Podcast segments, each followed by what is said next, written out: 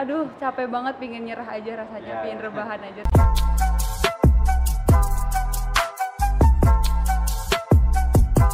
Yo yo yo, balik lagi di podcast Suara Next Gen masih bersama Nadia Andika.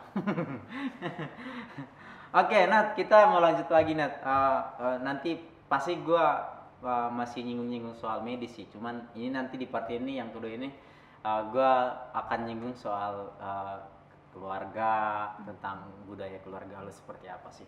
Nah, eh, se- ya seperti yang kita tahu Uh, lu kan akhir pada akhirnya jauh dari uh, orang tua papa mama gitu ya Uh, dan lu ngekos di di Jogja selama Enam tahun. Eh, ya. nah pasti dong uh, budaya bukan budaya atau bilang aja kebiasaan gitu kebiasaan apa yang uh, seorang Nadia tuh masih terapkan meskipun sendiri? Atau uh, lu kayaknya nggak bisa keluar dari dari kebiasaan itu meskipun lu udah nggak sama bokap nyokap? Boleh Hmm. cerita nggak sedikit? Oh iya oke. Jadi waktu aku eh, keluar dari rumah wih keluar dari rumah itu oh, pindah ke Jogja itu umurku 17 Ya, 17 17. tahun jadi emang waktu itu hmm, kebiasa kalau langsung spesifik ke kebiasaan yang aku tetap terapin adalah eh, ini sih aku tahu jam pulang kayaknya Wah. Iya, jadi wa- walaupun meskipun emang sudah tidak diawasi secara langsung Iya, itu ya. tuh itu dilema juga sih sebenarnya karena emang selalu kebiasaan kan dari SMP Hmm. sampai SMA tuh emang dulu emang sempet kayak eh, ikut event dan sebagainya, Hmm. jadi ikut jadi OSIS gitu Iya. kan. Nah, emang sering pulang malam. Jadi selalu dipantau gitu kan, pulang jam berapa Kak atau mau dijemput nggak gitu kan. Iya. Nah, kalau udah di Jogja tuh kan ya udah udah bebas gitu Mm-mm. dan kayak nggak ada yang ngatur nggak ada yang lihat mau Iya. aku laporan di WA udah kok udah di rumah padahal aku masih Iya, di luar nggak ada juga yang tahu Gak ada yang tahu iya. nah sebenarnya mungkin kalau eh, orang bilang Jogja itu kota pelajar yang bilang kayak selalu pendidikannya bagus gitu nggak Iya. ada mungkin orang expectnya Jogja nggak ada dunia malam atau gimana gitu ya tapi sebenarnya ada juga sih Oh, ada. ya ada ada juga dan teman-temanku juga beberapa tet- tetap ada gitu Iya. tapi bu- untungnya bukan teman mainku sih maksudnya kayak ya udah itu uh, aku berusaha bergaul sama yang uh, yang normal-normal aja gitu Ah, normal. eh tapi bukan berarti itu nggak normal ya maksudku kayak ya mungkin ada yang mungkin pelariannya emang uh, suka keluar malam-malam gitu Iya, tapi iya, iya. uh, puji Tuhannya karena dari kecil mungkin ya ya dari waktu sama sama mama papa di rumah ya selalu diawasin dan itu jadi punya kebiasaan aja sih buat selalu ingat jam pulang dan hmm, buat mandiri sih kayak sebisa mungkin dalam segala sesuatu yang mandiri dan Mandiri. karena emang udah jadi anak sulung Iya. anak pertama di rumah jadi ya kebiasaan bisa mengatur adik-adik dan juga mengatur Iya. diriku sendiri anak sulung biasanya tanggung jawabnya kan lebih besar ya? Hmm, hmm. Kerasa banget sih bedanya waktu di udah di udah sendirian gitu di Jogja ya harus bisa eh, ya mandiri. Walaupun kadang sering ya sering juga sih nanya-nanya. Ada aja ya pasti ada lah kan jatuh-jatuhnya sedikit. Iya. Gitu sih bang. Oke, eh, Nat, eh, eh, sepet- eh, bukan seperti ya. eh, kalau gue dulu eh, merantau dari rumah tuh, ya waktu itu sih, waktu itu gue pergi tuh mendadak ya. Maksudnya nggak diduga tiba-tiba gue dipanggil harus keluar dari rumah. Jadi istilahnya untuk orang tua ngasih kayak, ya itu gue pinjam kata-kata lo tadi wejangan. Hmm. eh, dari orang tua pada saat gue pergi itu tuh nggak ada nggak dapat momennya gitu jadi ya udah nyokap gue nangis aja ya anak gue pergi gitu Hmm. Nah lu dapat gak itu? Ketika lu pergi ke Jogja apalagi lama gitu. Ada misalnya kayak semacam jimat Nadia kamu nanti nanti kamu jangan gini jangan gitu. Ada nggak? Kayaknya ada sih tapi mungkin sama juga ya nggak ada waktu tertentunya. Jadi ya Iya. mungkin emang eh, sembari ngelak- lagi ngelakuin apa ya diingetin Iya. aja nanti kayak gini kayak gini kayak gitu Eh, mungkin ada satu tambahan lagi yaitu ini sih kayak buat selalu eh, saat teduh gitu Ah, itu juga teduh. selalu juga diingetin kan selama masih di dalam rumah papa mama Iya. jadi kalau udah di Jogja juga walaupun sebenarnya males banget tuh bang pulang malam eh sebenarnya nggak malam terus ya sebenarnya nggak malam terus sih cuma kayak pu- walaupun pulangnya siang tapi kan ada tugas Iya. dan sebagainya kadang capek sendiri tapi ya karena ada ya, awalnya ya karena keinget aja gitu oh ya harus harus harus saat teduh gitu tapi lama kelamaan ya jadi rutinitas walaupun banyak juga sih bolongnya kok banyak banyak banget bahkan Itu tadi sebelum on kamera masih manusia. Hmm, iya masih manusia masih manusia biasa manusia biasa yang jadi dokter. kebetulannya jalannya jadi dokter. Oke Nat, eh, ya kita kita manusia kan makhluk makhluk sosial ya. gue pengen tahu Nat, lu manage eh, pergaulan lo dengan teman-teman lo, ya pasti lu kan butuh juga pengen lu pengen jalan, ya setidaknya jajan es krim di Indomaret kan butuh teman gitu, Eh, teman-teman. Ya mungkin sangkatan atau bagaimana, lu bagi keuangannya tuh eh kok keuangan sih? Bagi waktunya Oh, iya, iya. keluarga eh, kuliah dan juga persahabatan lo dengan teman di Jogja itu seperti apa oh iya menemukan kesulitan nggak pada akhirnya kan lo bilang tadi kan akhirnya mengorbankan me time lo Hmm. berarti persahabatan lo terkorbankan juga nggak atau bagaimana atau Hmm. keluarganya malah justru Hmm, kalau waktu udah di Jogja, waktu udah kuliah itu kebetulan emang hmm, aktif aktif di organisasi yang organisasi keagamaan gitu Kristen, Iya, yang Kristen, perkumpulan mahasiswa Kristen. Jadi nemu sahabat juga di situ. sahabat, ya ya. awalnya karena emang eh, waktu itu tuh ada kayak KTB gitu bang, tau nggak? Kelompok KTB. tubuh bersama gitu. oh ya itu bahasa di sana lah ya Iya kayak Ya. komselnya Kayak anak komsel, muda ya. di sana gitu ya udah jadi kebetulan dapet temennya dari sana juga. Heeh. Tapi nggak menutup kemungkinan sih kalau di kedokteran itu kadang ada kerja kelompok dan ada Hmm, hmm, hmm, hmm. apa namanya eh, kalau belajar tuh selalu bareng gitu. Iya, iya. Nah kalau karena belajar bareng itu juga jadi nemu teman juga. Mungkin aku dapat temennya sih dari situ. oh dan berarti dari KTB tadi sama paling dari kelompok iya kelompok belajar yang pace-nya sama sih bang, yang Oh. belajarnya tuh sama gitu. Oh. Jadi kan ada temenku mungkin yang belajar harus ke kafe dan atau belajar tuh nah iya itu, uh, sampai belajarnya tuh baru keluar tuh jam 8 malam baru keluar belajar mungkin ada beberapa temanku gitu ya tapi ya aku enggak sih untungnya aku orangnya belajarnya ya di rumah juga nggak apa-apa gitu Iya. belajar di rumah biasa terus nanti bahas-bahas soal aja jadi nemu yang pace-nya sama terus kalau di luar itu paling organisasi kedokteran aja sih. Di situ kan ada organisasi yang uh, bikin acara-acara kampus dan sebagainya. Jadi Hmm. nemu temen di situ juga. Gitu sih. Tapi emang di dunia kedokteran tuh nyari temen ya emang. Ya gitu deh susah sih menurutku. Karena hmm, eh, karena ya tadi karena ada yang belajar pace belajarnya beda sama Ah. sibuknya beda-beda gitu. Iya, emang kedokteran ini kayaknya agak gitu. individualis Tapi ngurusin banyak orang nantinya. iya Oke, Nat, balik lagi eh, soal soal apa gue bilangnya? Soal keluarga, hubungannya hubungannya sama keluarga.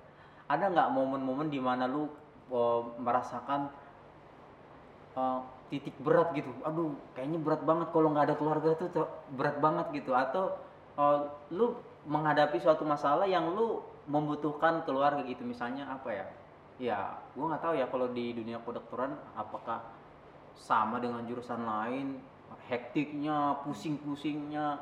Nah lu butuh butuh banget tuh dorongan entah bokap atau nyokap.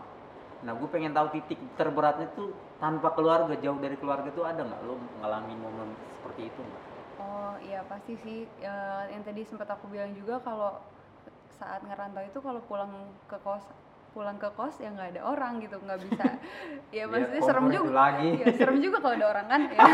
makanya jadi karena nggak ada orang itu eh, ya kalau ada pergumulan ya digalauin sendiri maksudnya Iya. dipikirin sendiri oh tapi jadi lebih ke situ ya Iya, jadi kayak emang eh, support secara fisik emang nggak ada gitu kan. Iya. Tapi ya karena bisa telepon, ya, pasti nanti ujung-ujungnya kayak dinasehatin dan di dikasih tahu yang baik gitu atau Hmm, nggak hmm. dikasih saran dan sebagainya.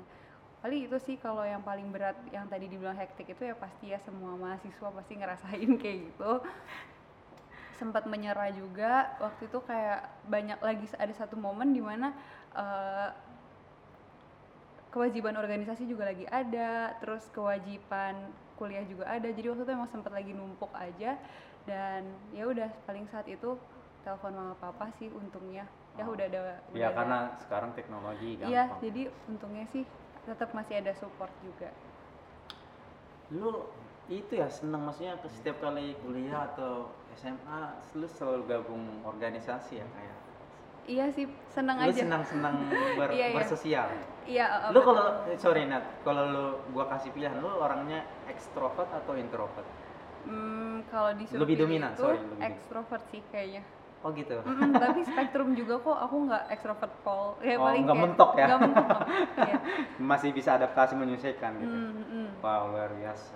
Oke, Nat, eh, sebenarnya gue masih belum puas mengorek-ngorek soal medis, tapi nggak apa-apa karena kita keterbatasan waktu dan lu juga ada acara keluarga. Nah, pesan kalau ada anak muda eh, di depan lo Hmm. yang lu pengen kesempatan banget memberikan sesuatu, ya dari ya entah itu dari segi prestasi di di sekolah, fakultas gitu-gitu dan lain segala macam, maupun dari segi uh, medis itu sendiri. Nah, lu mau menyampaikan apa ke anak-anak muda? Dan ini sekaligus penutup dari part terakhir ini. Silakan, Nat.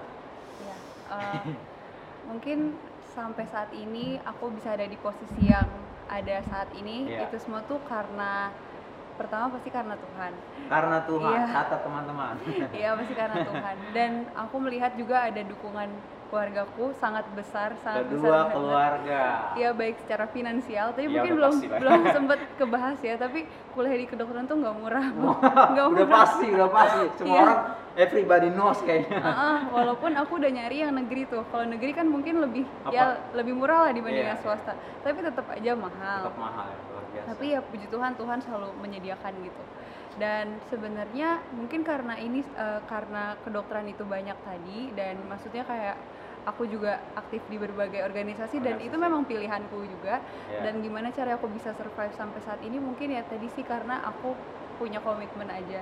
Aku Oh. berkomitmen sama Tuhan dan sama diriku. Aku nggak mau jadi orang yang biasa-biasa aja gitu. Aku Tuh, harus ketiga tuh komitmen. Hmm, komitmen aku. ya walaupun kadang aduh capek banget pingin nyerah aja rasanya, Ya, pingin rebahan aja, tapi aku tahu kayak em, kayak aku bisa lebih dari ini kayak gitu. Jadi Ya. aku selalu kayak eh, berekspektasi lebih tinggi, aim higher gitu lah intinya. Hmm. Hmm, sama aku pa- paling mau ngasih pesan aja sih maksudnya kayak apalagi untuk anak muda itu pilihan hidup tuh banyak banget ya bang maksudnya kayak Yes, kamu betul, mau iya. sukses Iya. atau kamu biasa aja atau kamu mau kayak ya udahlah eh, atau aku nerusin orang tuaku aja gitu terserah Iya. bebas gitu Betul, tapi betul. eh, satu hal yang aku dapat selama aku enam tahun di Jogja dan seterusnya nih aku masih belajar juga jadi ya dokter itu pastilah kita nggak berhenti untuk belajar Mhm. kan. Ya. itu adalah selalu libatkan Tuhan dalam rencanamu kayak gitu.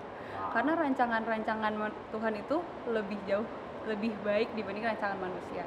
Aku nggak pernah nyangka aku bisa masuk UGM aku nggak pernah nyangka aku bisa survive enam tahun kuliah kedokteran kalau bukan rancangan Tuhan sih Ya. dalam hidupku. Apalagi ya terus setelah jadi dokter ini bang ini tuh nggak selesai. Nggak selesai karena karena karena jadi dokter itu be- bebas gitu pilihannya. Aku mau jadi dokter spesialis kah atau aku mau jadi dokter researcher kah, peneliti Oh. misalnya atau aku mau jadi dokter uh, di kementerian kah misalnya kayak bikin regulasi tadi. tetap banyak pilihan setelah itu ya Iya, tetap banyak banget pilihannya. Atau aku mau jadi dokter umum biasa nggak apa-apa. Hmm. Itu semua oke-oke aja. Tapi sampai detik ini pun aku masih berjuang juga buat nentuin jalan hidupku ke depan tuh mau gimana. Aku Wow. mau lanjut sekolah master atau mau lanjut sekolah spesialis atau mau uh, jadi ibu rumah tangga juga bisa. Iya, mau mau nikahin dokter yang lebih pinter Wih, aja. Terus aku jadi ibu ibu rumah tangga juga bisa.